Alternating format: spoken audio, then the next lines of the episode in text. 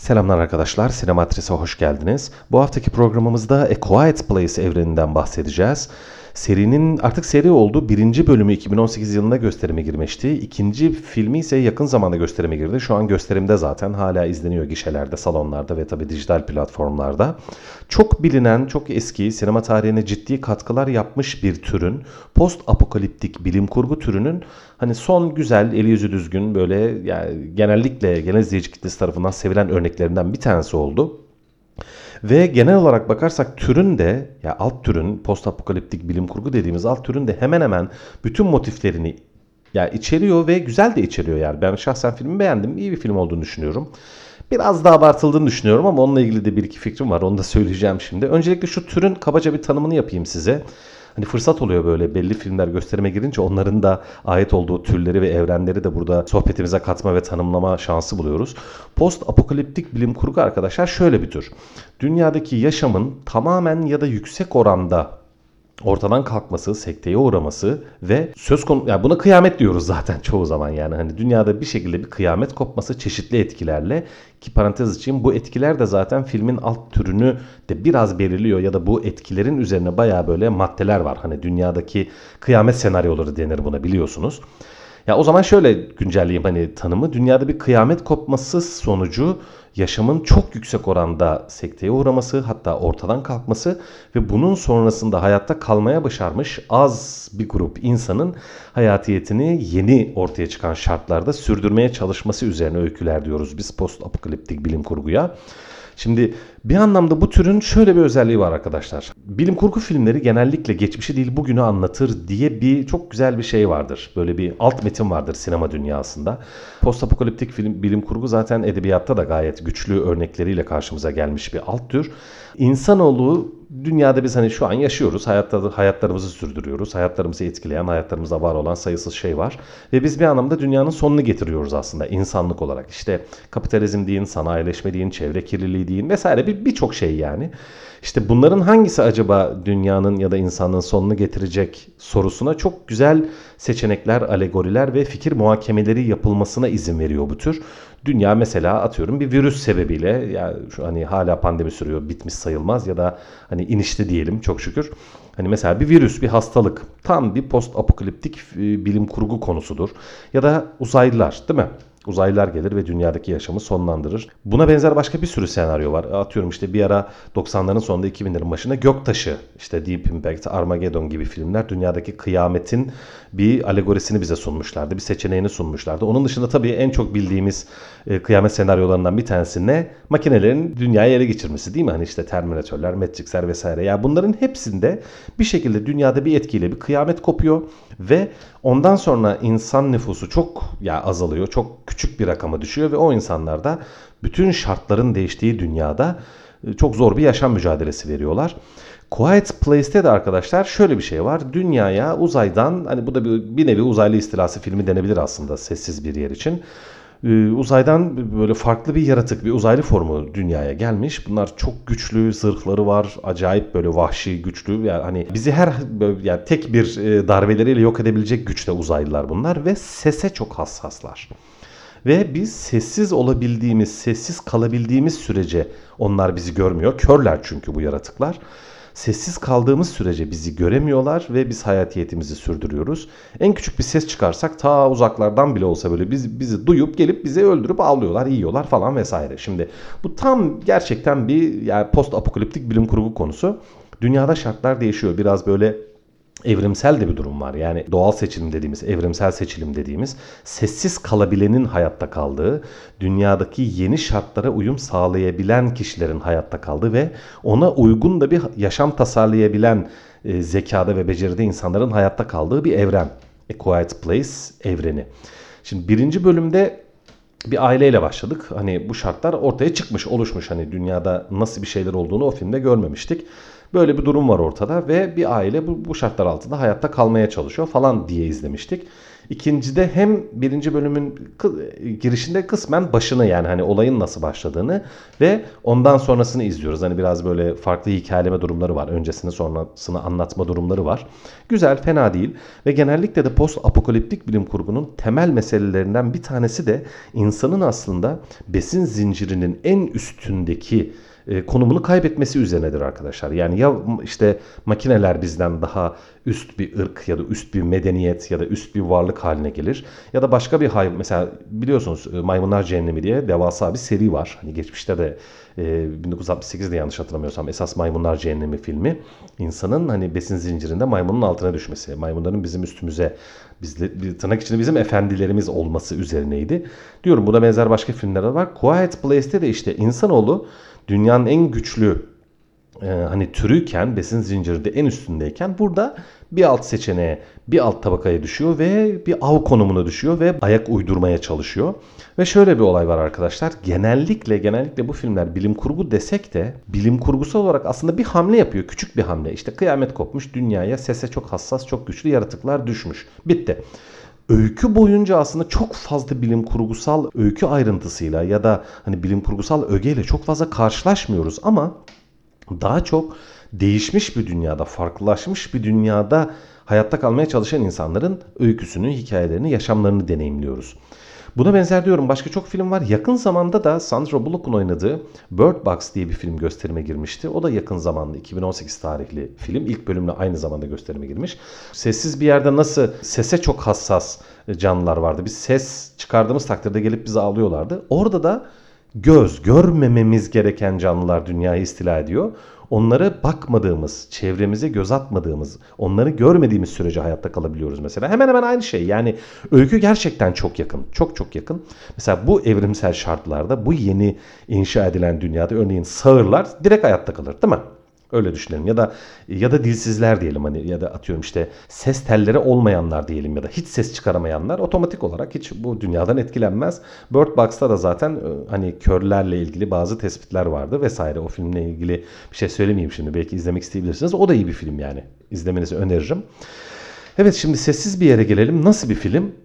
Aslında arkadaşlar ikisi de Şimdi ben sevdim diyorum. iyi filmler olduğunu düşünüyorum. Kötü filmler değil ama aslına bakarsanız hani post apokaliptik sinemanın tarihine baktığımızda hani çok iyi örneklerini, başyapıt örneklerini aklımıza getirdiğimizde onların yanında anıl, anılabilecek bir film olduğunu düşünmüyorum ben.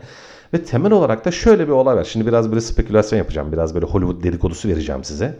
Filmin yönetmeni John Krasinski başroldeki Emily Blunt'ın eşi zaten, kocası. Daha önce bir tane komedi filmi yaptı ve bu seri onun aslına bakarsanız yönetmen oluşunu e, hani tüm dünyaya böyle duyurduğu ya da rüştünü ispat etmek denir ya. E, rüştünü yönetmen olarak ispat etmeye çalıştığı film oluyor ve ilk filmde bunu ispat ettiği gibi oldu çünkü sevildi film izlendi. Yeterli bir hasılat yaptı. Gayet böyle olumlu eleştiriler aldı, puanlar aldı falan. Tamam. Bu şekilde tabii ikincisini yapabiliyor. Yoksa hani yapması zaten mümkün olmaz ki eşini başrolde oynattı. Hani bu hep klasiktir hani işte hani belediyede hep akrabalar çalışır falan muhabbeti var. Aynı şey Hollywood'da da var merak etmeyin. Hani bir yönetmen bayağı böyle çocuğunu, kendi eşini falan oynatabiliyor. Para veriyor mudur diye düşünüyorum hep bence. O ilginç. Gerçi yapımcı kendisi değil tabii. Emily Blunt oyunculuk parasını alıyordur yüksek olasılıkla. Daha ucuza çalışmıştır bence. Yani şimdi kocasının filmi değil mi? O kadar olsun yani. Bir cepten öteki cebe. Neyse. Şimdi John Krasinski'nin filmi ama şöyle bir durum var. Oyuncu olarak çok sevilen bir oyuncu. Ama Hollywood'da şöyle ince bir nokta var, vardır arkadaşlar. Bir oyuncu ne zaman yönetmenlik yapsa öyle söyleyeyim ya da atıyorum bir yönetmen ya da oyunculuk yapsa falan onun nasıl iş çıkaracağı üzerine hem sektörde hem sinema severler arasında böyle bir acaba ya, hani yapabilecek mi, acaba olacak mı gibilerinden böyle bir şey vardır. Bir soru işareti durumu vardır yani. Hani o biraz daha zordur böyle. Şimdi Geçmişte yani örnekleri de vardı atıyorum yani Robert De Niro'lar, Al Pacino'lar, Jack Nicholson'lar o çok büyük veya Marlon Brando'lar böyle çok güçlü okkalı oyuncuların yönetmenlik deneyimleri ortaya iyi filmler çıksa bile bakın çıksa bile genellikle çok beğenilmemiştir. Çünkü neden? Zaten oyunculuk e, açısından çok başarılı olmuş insanlar oldukları için onlar yönetmenlik kariyerleri, oyunculuk kariyerlerinin gerisinde kaldığı için hani genelde Hollywood'da şöyle bir yapı olmuştur. Ya hani ya baba tamam yani kötü film değil ama sen boş ver sen hani oyuncu daha kralsın daha daha iyi yani sen oyunculuk yap gibi bir hava vardır böyle genellikle. Onun için bu güçlü oyuncuların hemen hemen hiçbiri benim yani bildiğim tanıdığım hiçbir örnek yok. Hani oyunculuğu bırakıp artık ben yönetmenliğe devam edeceğim diyen yoktur ya da çok çok nadirdir. Çok azdır gerçekten. Ya atıyorum Denzel Washington bile yakınlarda işte Çitler diye Fences diye film yaptı. Bayağı böyle sevildi. Çok iyi bir film zaten ama Şimdi Denzel Washington hepimizin gözünde ya, muhteşem bir oyuncu değil mi? Onu bir yönetmen olarak almıyoruz çoğumuz. İşte hemen hemen bütün oyuncular için bu söz konusu.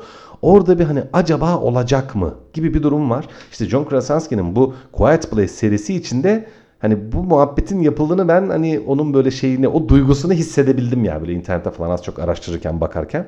Bir de şöyle bir şey var. Yine tam böyle bir dedikodu, şimdi Hollywood dedikodusu veriyorum size. Şimdi bunlar karı koca ya Emily Blunt'la. Şimdi Emily Blunt gerçekten Hollywood'un böyle en sevilen, en iyi, en böyle aranan oyuncularından bir tanesi oldu. Hemen hemen oldu şu yakın zamanda. Hani en kral oyuncularla falan çalıştı böyle. Çok sevildi yani. iyi bir oyuncu. Şimdi kocasıyla eşi arasında yani John Krasinski ile Emily Blunt arasında sanki böyle bir kariyer şeyi. Yani hani o daha önde, bu daha önde falan gibi de bir muhabbet döndüğünü ben tahmin edebiliyorum. Bu da çok normal. Ve aslında John Krasinski de zaten bazı röportajlarında falan söylüyor yani. Hani işte atıyorum şuraya gittim beni tanımadılar. İşte Emily Blunt'ın kocası dedim tanıdılar. Ha ha ha ha falan diye böyle şakalaşıyor yani bu durumla. Hani bu tırnak içinde bir eziklik falan değildir tabii ki yani. O hatta işte diyorum hani adam bunun muhabbetini yapıp gülebildiğine göre tabii ki adamın öyle bir ezikliği falan yok ama genel olarak kariyer karşılaştırması ister istemez hani belki içgüdüsel bir şeydir artık bilemiyorum veya şeyle alakalı hani Hollywood'da da daha fazla insanların gözüne batan veya hani işte bunun üzerine döne, dönebilecek olan dedikoduların da insanları belki rahatsız edebileceği bir durum olabilir. John Krasinski gayet bir yönetmen olarak gayet düzgün iş çıkarmış. Hiçbir sıkıntı yok. Yani hani filme baktığımda böyle ilk filmini yönetmiş bir yönetmenin filmini izlediğim intibasına kapılmadım ki ben o açıdan az çok hani gözüme biraz güvenirim yani. Hani şuralarda bazı acemilikler olmuş gibi hissettiğim anlar olmuştur yani. Ama bir yandan da bir yandan da şimdi oyunculuk olarak bakıyorum hani Emily Blunt da ki ben John Krasinski'nin oyunculuğunu da severim. Hani izlediğim filmlerde gayet doğru güzel performanslar verdiğini gördüm. Çok da sevimli falan da bir adam böyle yakışıklı falan. Hoş bir adam. İzlemesi keyifli bir oyuncu yani gerçekten.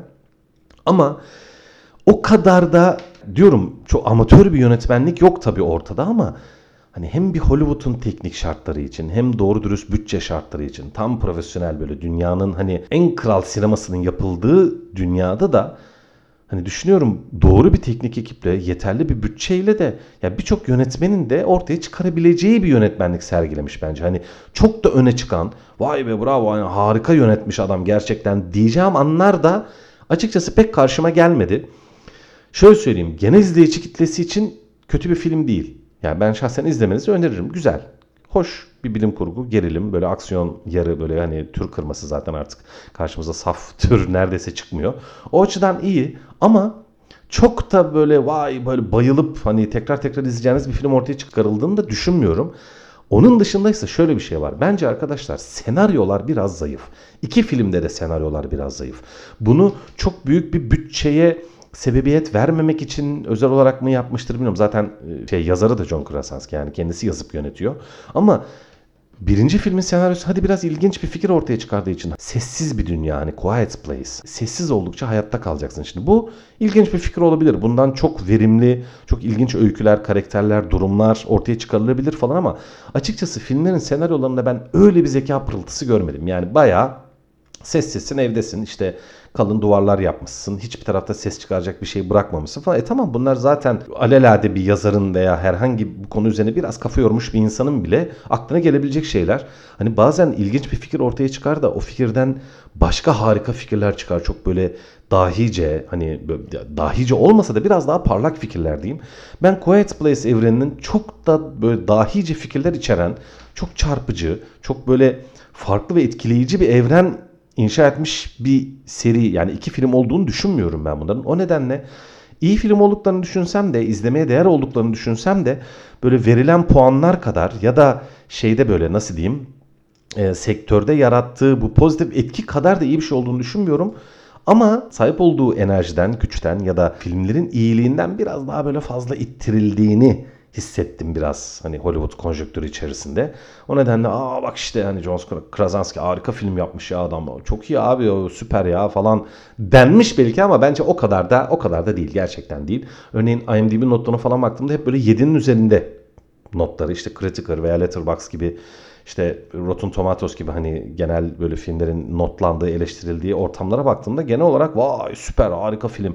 Yapmayın abi o kadar da süper değil yani. Hani benzeyen de çok film var. Tür olarak diyorum en azından. Alt tür olarak post apokaliptik bilim kurgu üzerine bol film yapılıyor yani. Hiç bu şey değil. Az örneğe rastlanan bir film değil ve bence film kendi türünün içerisinde çok öne çıkan filmlerden bir tanesi sayılmaz. Anlık günlük, gecelik hani güzel vakit geçirebileceğiniz, biraz gerileceğiniz, biraz böyle hani sıkılmadan izleyebileceğiniz diyelim aslında. Bu ifade güzel. Sıkılmadan izleyebileceğiniz bir film yapılmış. Hani e, türü biraz seviyorsanız böyle hem gerilim, yarı aksiyon, yarı korku, biraz yaratık filmi falan böyle seviyorsanız post apokaliptik bilim kurguya az çok ilginiz varsa izleyebilirsiniz. Filmin teknik işçiliği falan zaten kötü değil, düzgün ama Hollywood'dan zaten teknik kötü işçiliği olan pek film görmüyoruz yani zaten hani hepsi yani o açıdan zaten iyiler. Bir problem yok ortada. Sadece dediğim gibi anıldığı kadar, ittirildiği kadar iyi bir film olduğunu düşünmüyorum. Güzelmiş, fena değilmiş ya. işte izledik, eğlendik, tamam gerildik, hafif heyecan duyduk, izledik, bitti diyeceğiniz bir film olduğunu düşünüyorum. O nedenle Quiet Place bölüm 2'yi tabi birinciyi izleyerek lütfen. yani sadece ikinciyi izlemeniz biraz gerçekten fakir olacaktır. Çünkü ilk bölümle ciddi bağlantıları var filmin. Sadece ikiyi izlerseniz anlayamadığınız bir sürü ayrıntı olur.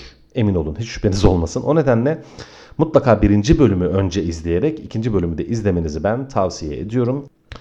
Evet bu haftada Quiet Place konuştuk. Üçüncü bölümü gelir mi? Bence yüksek olasılıkla gelecek ve Quiet Place bence bir tam bir evrene dönüşecek. Hani iki bölümle aslında bir film serisine evren demek pek doğru olmayabilir ama ben bu hafta öyle yaptım. Çünkü kendine ait bir dünya inşa ediyor ve bence yüksek olasılıkla devamı geleceği için artık Quiet Place evreninden bahsetmek çok da yanlış olmaz diye düşündüğüm için böyle söyledim. Evet bu haftalık da bu kadar arkadaşlar. Önümüzdeki hafta tekrar görüşmek üzere. Teşekkürler.